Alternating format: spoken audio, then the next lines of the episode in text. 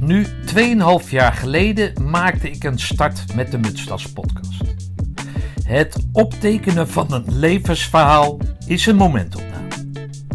Ruim 100 podcasts verder ben ik benieuwd hoe het sommige geïnterviewden is vergaan. In aanloop naar het nieuwe jaar daarom drie speciale afleveringen met als titel Hoe gaat het nu met? In deze aflevering 2 wordt deze vraag beantwoord door oud-operator Martijn van der Klis, commandokapitein buitendienst Mummy van Woudenberg en marinier commando-sergeant buitendienst Ronald van Leven. Martijn van der Klis is een oud-operator. Hij hield traumatic brain injury over aan zijn loopbaan bij Defensie. Zich op de bodem van de put bevindend, vocht hij zich een weg naar het licht. In zijn podcast vertelde hij over de plannen van zijn vrouw Loes en die van hemzelf. Hoe staat het er nu mee? Cognitieve prestatietraining? Ja, hoe het daarmee staat. Ja. Ehm, ik weet er niet eens meer wanneer we die podcast hebben opgenomen. Maar ehm, Ja, een jaar, jaar geleden. ja, een jaar geleden zo. Ja.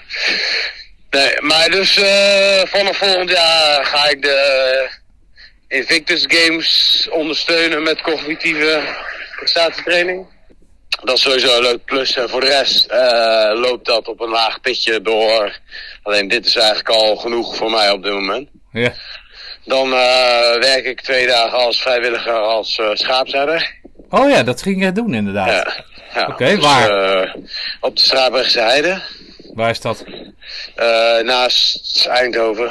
Oké, Tussen Eindhoven en mijn onzin eigenlijk, een beetje. oké. Ja. Echt vlakbij, dus eh, ja. Dus dat doe ik. En ja, het voedselbos wachten we nu op goedkeuring voor een subsidie. En dan gaat het beginnen. Dus Oké, kan jij dat, dat, dat traject van dat voedselbos nog even uitleggen? Want toen waren jullie ermee bezig. Hè? Eh, Loes die was zich aan het verdiepen in allerlei zaken die zo'n voedselbos eh, nodig hebben qua Nou ja, organisatie. ze, is een, eh, ze heeft een andere Loes ontmoet hier uit Heusden. En dat is een boerendochter. En die boer die stopt ermee. En die heeft grond. En Loes wil een voedselbos, maar wil niet alleen. Dus toen heeft zij mijn Loes gebeld van... ik hoor dat jij een voedselbos wil. Ik heb grond en ik wil ook een voedselbos. En eh, daar zijn ze nu al ruim een half jaar mee bezig met subsidieaanvragen in orde maken, wat er moet komen, hoe het eruit moet zien, tekeningen maken en ja. Dus eh het belangrijkste was, en daar zijn ze de meeste tijd mee bezig geweest, is die subsidieaanvraag. Ja. Dat zou dan gaan om de afwaardering van de grond. En dan eh, komt daardoor geld vrij, wat dan weer in het voedselbos gestoken kan worden. Oké, Ja, dus eigenlijk ziet dat er heel positief uit, maar dat is vorige week ingediend en nu moeten ze eh, 22 weken wachten oké. voordat ze uitsluitsel krijgen. Oké. Ja. En in die tussentijd kan daar al, omdat die grond natuurlijk een eigendom is, gaan ze dan al wat ontwikkelen of moeten ze Eh, wachten nou, ze tot? gaan vooral eh, bedenken hoe ze het nou precies willen, want ze hebben in een sneltreinvaart eh, hebben ze een plan moeten neerzetten. Ja. Eh, eh, en dat, zeg maar, dus een ruim kladje op een tekenpapiertje. En nu moeten ze dat eigenlijk nog even gaan eh, specificeren en verder uitwerken. Oké. Kijk, en eh, die, eh, die grond is van die vader en die heeft gezegd van, ja, ga het maar doen. Ja. Kijk maar, de grond is beschikbaar. Nou, dat is, dat is wel relaxed natuurlijk. hè. Ja, alleen is natuurlijk, er moet op een gegeven moment financiën komen Ja. Eh, als die subsidie niet doorgaat. Ja, maar goed, Ja, daar er hebben ze dan ook weer een half jaar Er moet sowieso financiën komen, maar er zijn allemaal voedselbosorganisaties die eh, toegezegd hebben om te gaan eh, ondersteunen. Dus ja, het ziet er eigenlijk heel positief uit. Ja. Hey, en je hebt het heel, de hele tijd over ze. Is, is, is er ook sprake van een we, in de zin van dat jij daarin ja. met deelneemt? Ja, ik ga zeker. alleen nu nog niet, maar dat gaat zeker wel gebeuren. Oké, want jij had het toen over eventuele veteranenplek, hè? Of in ieder geval... ja, ja. ja. Daar hebben we nog niks. We hebben wel een veteranenstichting gestart met een paar andere veteranen hier in het dorp. Ja, dat heb ik gezien inderdaad. Ja, en ehm ja, dus dat speelt nog steeds. Alleen, ja, daar is gewoon wachten op. Er moet eerst wat zijn voordat je eh, wat kan gaan doen. Oké. Wat ik wel, uh, wat ik wel... Vandaag, zoals ik het vandaag bedacht, eigenlijk wil ik gewoon mijn eigen dagbesteding gaan creëren. En dan uh, daar anderen meenemen. Zo zie ik het eigenlijk een beetje Ja, voor me. maar dat was toen al de bedoeling, toch? Ja, ja. Of ja, jouw precies. gedachte, laat ik ja, het zo zeggen. Ja, dus eh, dat nog, staat nog steeds. Ja. Wat ik wel grappig vind aan die, eh, aan die veteranen ding is dat jij in eerste instantie toch net als wel meer van die oud-operators eigenlijk niet zo'n behoefte had aan, aan, of aan zo'n veteranenclub met meerdere veteranen uit diverse eh, decennia, nog, toch? Nog, steeds- nog steeds niet hoor. Oh, oké. Nee, het, het is sowieso. zeg maar, we hebben een klein bestuurtje van vijf mensen en dat is een hele leuke club. En eh, ze komen elke donderdag, elke tweede of derde donderdag van de maand in een kroeg samen. Ja, Ja, daar heb ik dan niet zoveel mee. oké. Maar we doen bijvoorbeeld eh, de tweede zondag van januari doen we een nieuwjaarsborrel bij ons op het kasteel. Oké, Om dat een beetje erbij te betrekken. oké. Ja. Nou ja, goed, Dus, je zal toch ja. moeten netwerken als je, als je eenmaal dat voedselbos er Nou, is en je ja, wil daar wat. Ja, ja. Nou, dat is het ook, want we hebben, hebben een soort van besloten van oké, dit is wel de plek waar we gaan blijven. En eh, ja, dan moeten we ook gaan investeren in eh, een eh, netwerk en vrienden en sociaal, zeg maar. Ja, ja. Dus ja, dat is de fase waar we nu in zitten eigenlijk. Ja. Dus je, je, je zoekt nog nieuwe vrienden. ja, ik zat aan te denken om een advertentie in de krant te zetten. ja. Nou, klinkt goed, man. Ja. Ja, toch? Ja, ja, ja, zeker. Ja. Oké, en die Invictus Games, dat, dat is gewoon een, een langdurig traject van, want dat is één keer in de twee jaar of Dus, zo? eh, nee, ja, er is dus, eh, de afspraak is dat ik het ga ondersteunen tot, eh, tot en met de aankomende games. Ja. Oké, dat zijn Ik winterspelen, het toch? nog bespreken, maar eh, ja. Oké, maar dat zijn winterspelen, toch, of niet? Eh, Oh. nee, volgens mij niet. Oh, Hand, ja. handboogschieten, volleybal en Ja, oké, dan kan je ook in de sneeuw. zo, ja. Ja.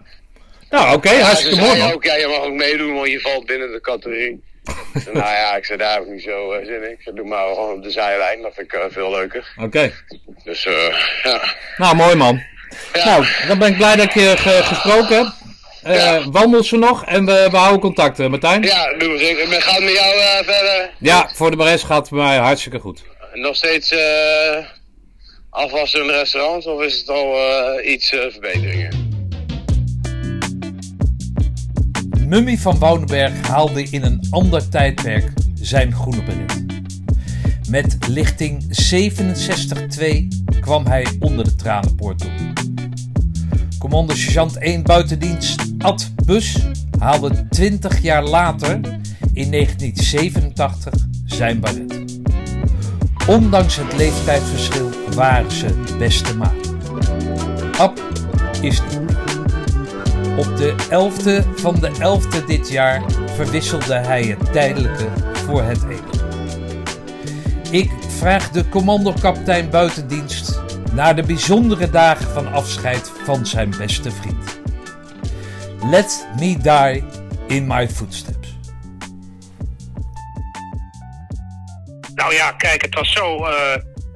eh, Ab, die werd dus eh, begin van het jaar werd hij was hij dus naar een beurs geweest in Nuremberg en hij kwam terug en hij voelde zich niet goed.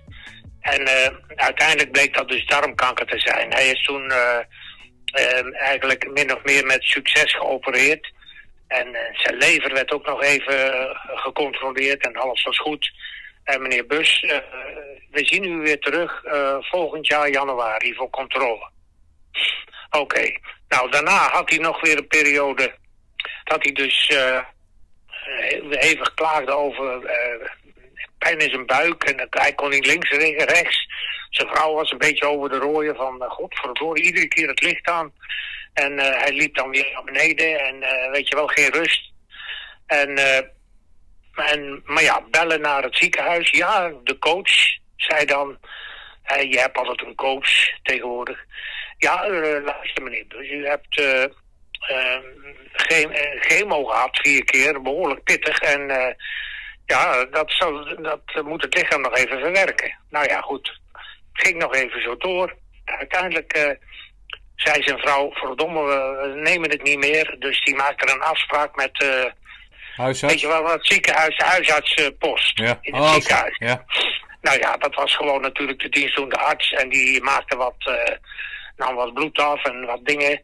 En die zei dus s'avonds, uh, zijn vrouw was er ook bij. Nou, uh, meneer Bus, uh, ja, we hebben toch nog wat ontdekt bij u. wat niet helemaal goed is. Dus u krijgt, we houden u hier een nachtje. En dan morgen vroeg, dan komt de oncoloog en die gaat u dan nog even, even met u een plannetje opmaken. Dus oké, goed. Zijn vrouw, die ik natuurlijk ook heel goed ken, Annemarie, die uh, kwam na afloop op de, naar mij toe. En uh, we dronken nog een kop koffie. Ze zegt, nou ja, hij zal weer, wel weer een, de gebruikelijke pillen krijgen en dan gaan we weer door. Nou ja, maar ik moet dus tussen tien en half elf moet ik in het ziekenhuis zijn, dan komt die die dokter. Nou ja, die dokter kwam en die had gelijk een heel lang gezicht, want er waren dus uh, vreselijke uitzaaiingen, uh, weet je wel, in de, in de lever van 6,5 centimeter lang. En, en in de lymfeklieren, in zijn bloed, het was helemaal kloten. Dus hij kreeg daar te horen, ja, er is niks meer aan te doen, klaar. Nou, dus Ab zei dat ook tegen mij. nou ja, we hadden natuurlijk allerlei gesprekken en ik ging heel veel naar hem toe. Hij kwam ook steeds bij mij en ook commandomaten. Oké, nou ja, dat is dan de bekende mop van de onderofficieren, die allemaal natuurlijk naar de hel gaan. Dat is, ja, dat is normaal. Maar er is een klein onderscheid. Er zijn mensen die hebben een klein een streepje voor bij Petrus. Dus goed, uh, uh, dus op een zeker moment komt er een onderofficier komt dan boven, weet je wel. En dan, nou oké, okay, Petrus, ik had jou verwacht, mondje. En Goed, dus uh, goed, uh, ja, je hebt het altijd goed gedaan. Uh, we hebben een paar mogelijkheden hier. En loop maar met me mee. Hij loopt bij zo'n gang in, weet je wel, wat geroezemoes en zo. Goed, hij doet, komt bij zijn deur, een zware deur, doet een klepje los. En een stang naar buiten gelijk. En hij, dus de die adjudant, die kijkt naar binnen. En die zegt, zo, zo, jongen, jongen, weet je wel. Dus wat ziet hij? Ja, allemaal onderofficieren, die staan allemaal tot aan hun onderlip staan ze in de, in de stront. En murmelen allemaal, niet golven, niet golven. Weet je wel, want ze waren bang als die deur losgaat. Ja, dan zit je helemaal onder natuurlijk, hè, je neus enzovoort. Dus hij zegt, oké, hij heeft een beetje bleek, die stip. Maar ja, ook niet te flauw, hè, commando. Dus, en de, de volgende doen ze los en... Uh, en en een lawaai en een feest en een geroezemoes. Kleed de onderofficierskantine wel, bij wijze van spreken. Dus uh, hij kijkt door het raampje en dan ziet hij al, al die onderofficieren, ook oude bekenden, weet je wel, Vredendaal stond er, uh, weet je wel, Snoek, nou, nog meer van die oude commando's. En uh, allemaal tot hun middel in de stront. En uh, een, een, pul bier in de ene hand en een stuk leverworst en een lol. En een mooie meid achter de tap, weet je wel. Uh, Obe natuurlijk. En uh, goed, hij zegt, nou, ja, als ik dan mag kiezen, ik, wil, ik ben wel bescheiden, maar ik wil dan toch wel graag hier. Oké, zegt Petrus, dus hij binnen, weet je wel, heel vervlucht natuurlijk, die deur weer dicht. En uh, nou ja, hij loopt naar de tap. Nee, uh, adjudant, de eerste rol is uh, van de zaak. Weet je wel, zegt die meid. En goed, dus de stip heeft net zaken binnen. Neemt de eerste hap en één keer gaat die deur los. Komt de duivel van de dag binnen, weet je wel. En die fluit. Heren, de kantine tijd is om. Wilt u weer op uw handen gaan staan? Weet je wel, hup. Nou ja, dat was die mop natuurlijk. Goed, die, had ik, die vertelde ik dus op dat moment bij Ab, terwijl hij zo ziek was. Dus later kreeg ik dan weer een bericht van hem. Nou, hè, kom zoveel mogelijk bij me voordat ik in de stront sta te dansen. Dus hij had ook nog humor, weet je wel. Ja. Tot op het laatst hè, had hij humor. En uh, nou ja, op een zeker moment... Uh, ja, ging de, de schoonzoon van Ab, die, is uh, scheepstimmerman oorspronkelijk. En Ab had van zijn oude heer, die aannemer was, had hij een klauwhamer gekregen plus uh, wat planken. Nou ja, die planken had hij ook nog gebruikt om uh, in de winkel uh, zo'n hut te bouwen. Maar hij had nog mooie planken over. En nou ja, dus hij zegt, nou dan laat de kist maken. Nou, dat gebeurde dan ook. Die, scheep, die, die schoonzoon van hem, die ging aan het werk, hè, die zat er ook niet bij. Die had de kist klaar en die rookte graag een sigaar. Dus je zag daar nog een, een lekker eh, glas bij staan met een grote sigaar. En uh, alleen, uh, er was ook een, uh, een houtmerk stond erin van Huizen. Dus de buurt waar Aap oorspronkelijk vandaan komt, Huizen, dorp in het Gooi. Ja.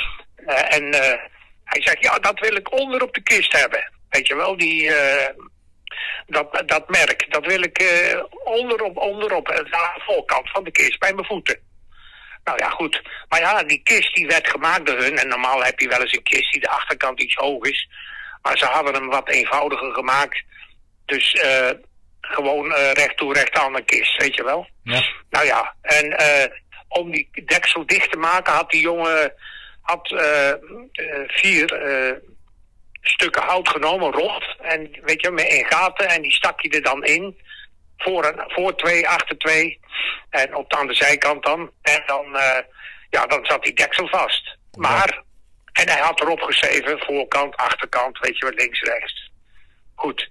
Dus uh, ligt, uh, ligt in zijn... Oh ja, nou ja, goed. Voordat hij dus in de kist lag maar voordat hij dood was, uh, zijn we natuurlijk allemaal nog bij hem geweest. En uh, hij, had, hij, had helemaal, hij had zich helemaal overgegeven. En uh, hij, hij had het helemaal niet moeilijk of zo. Ja, hij had het wel moeilijk. Nou, ik, ik lul, want we hadden, zaten ook wel eens... we zaten ook wel eens samen. We zaten ook wel eens samen te janken. Ja, nou dat kan maar goed, goed. uiteindelijk goed is hij dus hij stribbelde nog wel erg tegen, want op een gegeven moment zei hij, nou ja, morgen ben ik er niet meer. Maar ja, de dag erop lag hij nog steeds te meuren in zijn kist, te slapen dan. Ja. En uh, dus uh, ja, hij kreeg dus morfine en uiteindelijk uh, op, op de elfde, weet je wel, elfde, van de elfde is hij dan s s'avonds overleden. Hmm. Uiteindelijk. Maar goed, toen kwam dus, uiteindelijk moest de kist dichtgemaakt worden. En uh, dus John, de schoonzoon, komt eraan, weet je wel, en die had uh, die pluggen. En die was aan het kloten. Godverdomme, dat past helemaal niet. En dat kan niet, ik heb dat allemaal netjes gemaakt. Nou ja, en toen hij kijkt, verrek, hij ligt achterstevoren in zijn kist, weet je wel. Dus, dus ze hadden dat merkteken, weet je wel, dat was verkeerd. Dus ja, ze konden hem natuurlijk niet meer omleggen. Dat, dat doe je dan niet meer, weet je wel, dat was al niet goed. Nou ja, dus goed, de kist werd gesloten en hij is naar uh, Klaas Waal. Dus, en Klaas Waal woont dus uh, zijn dochter. Ja. En de bedoeling was dat oorspronkelijk uh, Ab en Annemarie, als ze dus met pensioen waren, dan dat denk ik dan dat ze daar waarschijnlijk een bungalowtje hadden gebouwd en daar gingen wonen. Dus uh, toen zei maar en nu is het zo dat natuurlijk Annemarie na verloop van tijd, als ze niet meer kan, zal ze bij de, naar de dochter toe trekken. Uh, die ze houden allebei van paarden en, uh, en dieren, dus dat is allemaal daar. En daarom heeft Ab besloten zich daar te laten begraven. Hij heeft daar een graf gekocht, een dubbel graf. Okay. Ook voor Annemarie. Nou, toen de begrafenis. Nou, dat was op zichzelf. Er waren dus natuurlijk veel te veel mensen die er naartoe wouden komen. Dus ze hadden dus een stop gemaakt. Uiteindelijk uh, waren er dus uh, 250 mensen. En uh, de zaal was helemaal vol. Generaal Swillens, de oude pelotonscommandant van hem. Ja. en die was er ook. Dat was dus natuurlijk ook hartstikke mooi. En van de, uh, onder andere natuurlijk de Duitse uh, schietvereniging waren ook nog zes mensen gekomen. En dan verder natuurlijk had hij geregeld van tevoren. die jongens van KCT die toen bij hem op bezoek waren, wat ik zei toen ik die mop vertelde, toen, toen zei Appie, weet je wel, hé hey jongens, willen jullie mij dragen? Ja, natuurlijk App. Wordt geregeld. Nou, dus acht man hebben af dus uh, gedragen en ze hebben en ze mochten van de korpscommandant, ze hadden even toestemming gevraagd om gewoon in hun werktenu, dus camouflagepak stonden ze, blootshoofd. En iedere keer was er ook, terwijl die opgesteld stond in, in dat zaaltje van de plaatselijke muziekvereniging, stonden er twee mannen bij de kist. En het was gewoon fantastisch. Nou, daarna uh, waren er natuurlijk wat, was er nog wat uh, muziek enzovoort en uh, mensen spraken. En maar het allermooiste sprak af zijn dochter. Dat was gewoon fantastisch. dus En dat is ook eigenlijk eh toe of want ze lijkt sprekend op hem.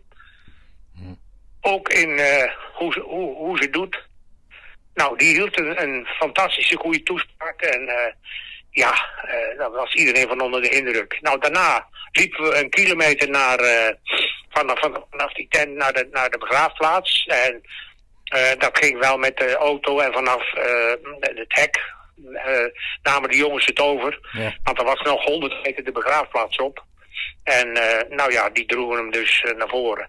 En Ab had, had ook nog gezegd, "Hey, jongens, ik heb voor jullie een fles goede whisky, weet je wel. Ja. En, eh, en wat bekertjes heb ik laten maken met opschrift. En als jullie, het, eh, jullie mij weggedragen hebben op de kerkhof, en eh, een beetje uit het zicht natuurlijk, eh, dan nemen jullie natuurlijk even een, eh, een shot van, van mij, op mij. Ja, nee, oké. Ja, ik liep er met eh Rien Broeders. Ja. En eh, ja, ik ben natuurlijk eh, een van de oude lullen, dus die jongens die zeiden gelijk... eh "Huh, Remy, kom mee, kom, kom er ook bij. Nou ja, dus we, de uitgang liepen de mensen weer terug naar dat... eh, naar dat, naar dat hok toe, weet je wel, van, van de muziekvereniging, om Ja. daar nog even een, een neut te nemen, enzovoort. Dus wij stonden achter de combi van het KCT en hup, de fles voor de dag en kurk, allemaal, weet je, proost op, hup. Ja. Weet je wel, iedereen nam een lekkere borrel. Ja, eigenlijk twee, maar goed, eh, oké. Dus dat was, dat was hartstikke leuk. Hm. En die jongens die hadden een bekertje met opschrift. Oké. Nou, en daarna gingen we dus terug. Nou, dat was natuurlijk een hele goede afsluiting. Met, eh, ja, eh, weet je wel, een biertje, net zoveel als je wilde hebben eigenlijk. Maar dat hebben we maar niet gedaan. Maar het, het was heel indrukwekkend. Oké. En ja, en nu ben ik nog bezig samen met Wil ook met de afwikkeling van zijn, zijn, wapen- en munitievoorraden. Die zijn dan bijna allemaal rond, alles is verkocht. En eh, zijn vrouw die is helemaal over de rooien. Annemarie die, ook- die vond alle rekeningen die hij besteed had aan, eh schiet aan schietsport en ook aan de vliegvisserij. Want App is een eh, fervent vliegvisser en daar is hij Ja. fantastisch in. Dus hij had een hele kamer voor zich. Helemaal vol met eh, hengels en spullen. en eh, weet je wel, eh, aas uit, uit mollen, vellen en weet ik het allemaal. Van alles was. Dus dat, daar is ook nog even druk van. Hey, eh, dan mag ik besluiten met de vraag of je hem mist? Nou, het is niet te geloven. Ik, ik heb hem bij de, een grote foto van hem bij, bij Frida neergezet. Met, en alle twee. Ik mis ze allebei. Het is wel zo, op dit moment is het voor mij, weet je wel. Godverdomme, eh, eh, waar leef ik nog voor? Maar aan de andere kant denk ik dan weer. eh, ja, aan mijn kinderen, weet je wel. Benno, mijn zoon, steunt me goed. En mijn dochter met, met een man en kinderen. Dus ik laat me niet kisten. En ik. ik ga er weer tegenaan. En uh, noem oud, noem kwam. Marinier commando buitendienst Ronald van Leeuwen is nu politieman en schrijver. Ten tijde dat ik met hem zijn Mutstas podcast mocht opnemen, was zijn eerste boek net verschenen. Hoe is dat verlopen en wat zijn daarin verder zijn ambities?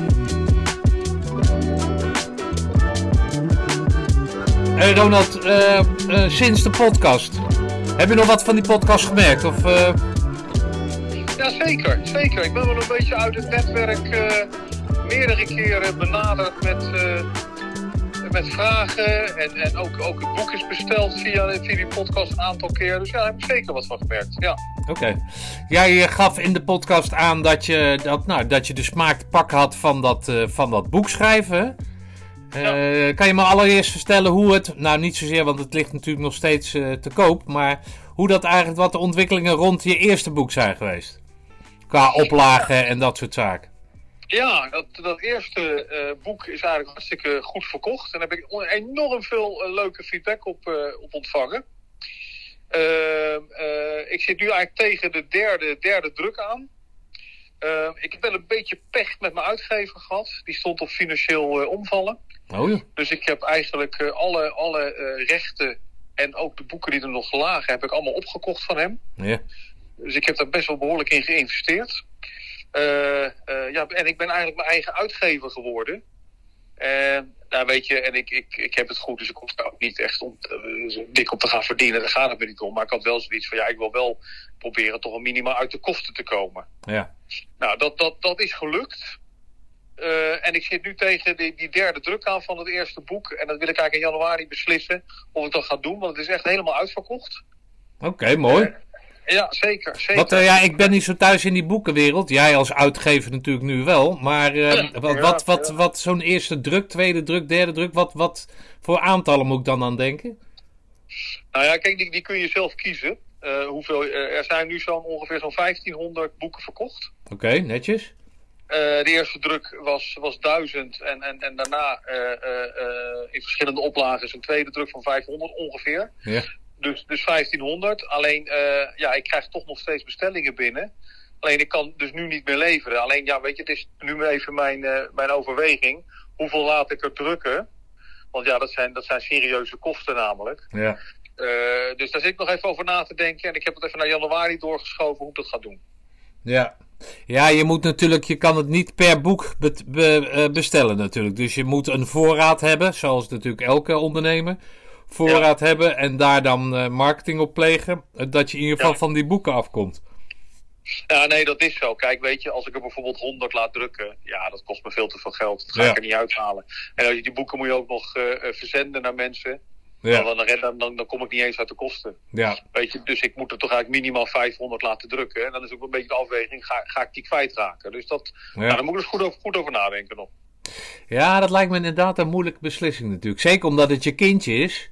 Ja, toch? Ja. En dat je natuurlijk gestreeld wordt door elke bestelling die binnenkomt. En die, Nee, zeker, dat is hartstikke leuk. ja, en die mensen wil je het nu Ja. natuurlijk niet teleurstellen door te zeggen van ja, het kostte dit, kostte dat. Nee, ze willen gewoon je boek hebben. Dus jij zit zeg maar een beetje op zo'n wip aan beide kanten van eh, het qua gedachten. Ja, ja, weet je, en ik heb wat ik je zei, ik wil in ieder geval uit de kosten blijven. Dat is een beetje bestreven.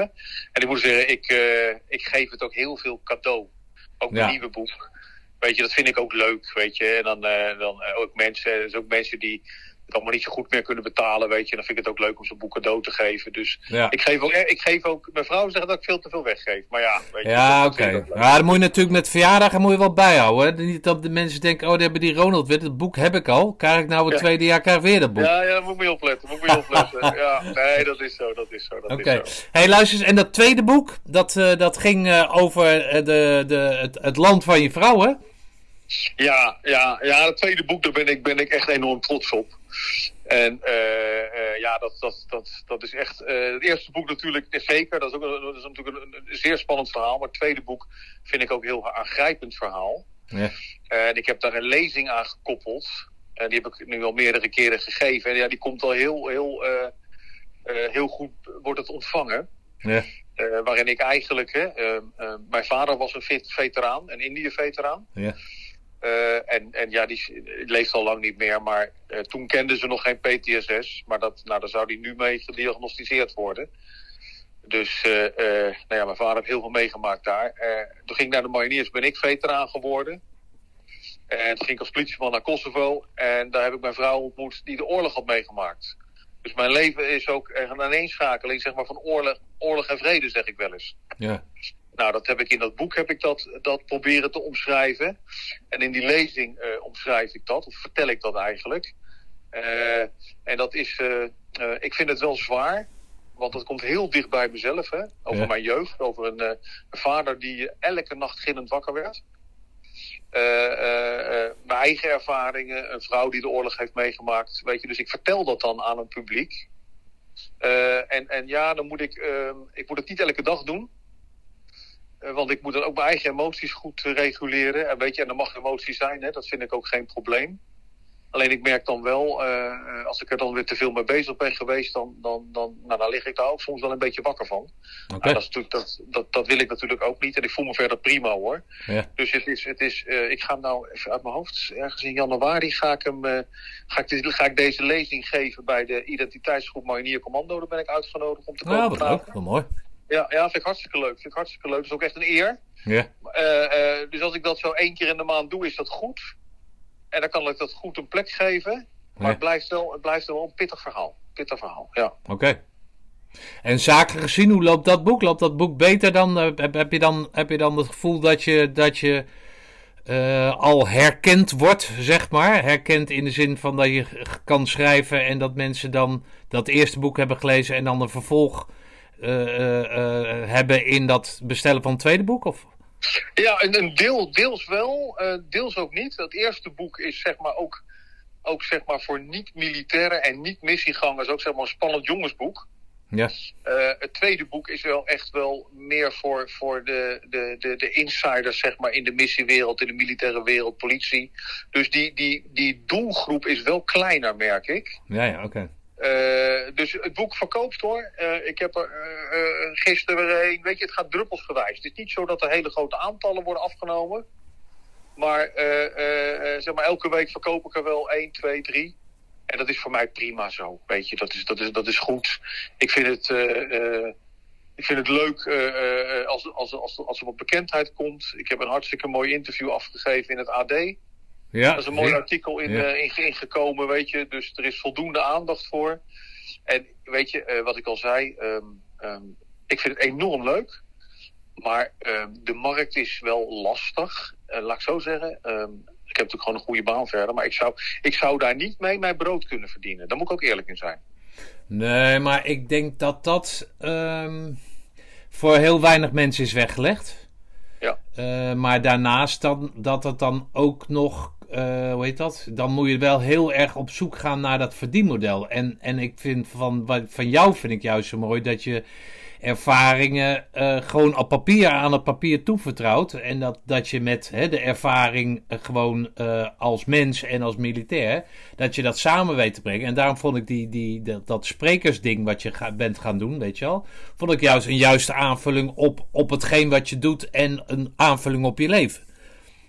Ja, helemaal, Stefan. Je, je valt het heel goed samen. En zo zie ik het zelf ook. Ehm, ik ben erachter gekomen, ik ben geen ondernemer. Ik weet veel te weinig van marketing. Eh, eh, eh, mijn kwaliteiten liggen daar gewoon niet. En weet je, ik, ik bijvoorbeeld, hè, als ik dan een boek verkoop en ik merk dat mensen niet zoveel centjes hebben of wat dan ook, dan zeg ik, joh, laat maar zitten. Ik ben, ik ben, ik ben in die zin veel te lief daarvoor. Ja. Maar maar dat, dat kan ook, omdat ik zeg maar, ik ben er niet afhankelijk van. Nee. Weet je, ik vind het veel leuker als ik dan een. Uh, toevallig net, net nog open ik mijn, mijn werktelefoon. En dan kreeg ik nog zonder appie. Ook van iemand die het boek had gelezen. En, en een ontzettend leuke feedback, weet je. En dan denk ik van, nou, daar doe ik het eigenlijk voor. Dat vind ik leuk, weet je. Als ik mensen toch op een of andere manier een beetje een boodschap mee kan geven. Bekendheid over Ja. dit wereldje.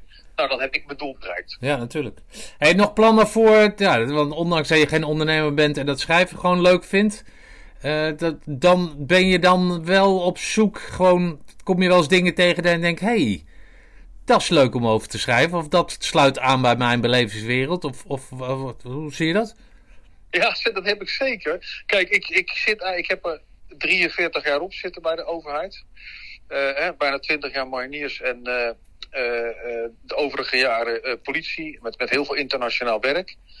En, en een mooie loopbaan gehad, maar ik merk wel dat het eh, tijd wordt om, eh, om het stokje over te gaan dragen. Ja. Dus ik, ik, ik wil dat wel binnen, binnen afzienbare tijd gaan afsluiten. Eh, dus daar, ben ik, daar zit ik een beetje in dat proces. En dan ga ik natuurlijk niet achter de geranium zitten. En, en ja, ik heb zeker een aantal onderwerpen. Ik ben ook een beetje bezig al. Met, eh, met, met, en dan niet autobiografisch. Ja, deels misschien een beetje omdat ik er dan wat vanaf weet en deels betrokken ben. Maar eh, ja, ik zou heel graag toch nog wel weer een boek willen gaan schrijven. Ja. Oké, dus het schrijverschap, dat heeft je, nou, dat is wel, eh, hè, achter de geraniums kan je natuurlijk goed een boek schrijven, om het zo Ja, te dat zeggen. bedoel ik. Ja, dat kan ik een beetje combineren dan. Ja. Ja. Nee, daar wil ik wel iets mee, eh, mee gaan doen, ja. Daar Ja. wil ik wel iets mee gaan doen, ja. Nou, Ja. dan is dat toch leuk dat dat, eh, dat, dat in ieder geval, hè, dat je dat naar boven hebt getrokken als talent van jezelf, toch? Nee, zeker. Weet je, het, het schrijven en het, en het spreken voor groepen, dat vind ik echt leuk. En dan blijf ik echt eh, heel, heel authentiek dicht bij mezelf. En, en dat vind ik leuk. En, en eh, ja, dat geeft me enorm veel eh, positieve energie. Meer eigenlijk dan, dan, dan ik nu in mijn loopbaan merk, weet je. Dat, ja, en dat, dat, dat ligt ook... Ik, ik word bijna 59, weet je. En dat is nog best jong natuurlijk om te stoppen. Maar ik bedoel, ik, ik heb toch wel het beste van mezelf gegeven, heel lang. Ja. Ik was net, zeven, net 17 toen ik begon. Ja. Weet je, dus, dus eh, ik merk ook wel dat de, de, het heilige vuur, hè, zoals we dat altijd noemden vroeger, Ja. is er, is er daar een beetje uit. Maar op andere fronten komt dat weer terug. En dat, dat is ook goed zo. Dat is prima. Oké. Nou, mooi te horen, man. Dankjewel. Nou, dat was hem dan weer. Luister volgende week naar deel 3 met commandokaptein buitendienst Piet Paul, commando-sergeant buitendienst Bert van der Ham en commandokaptein buitendienst Ed Oskam.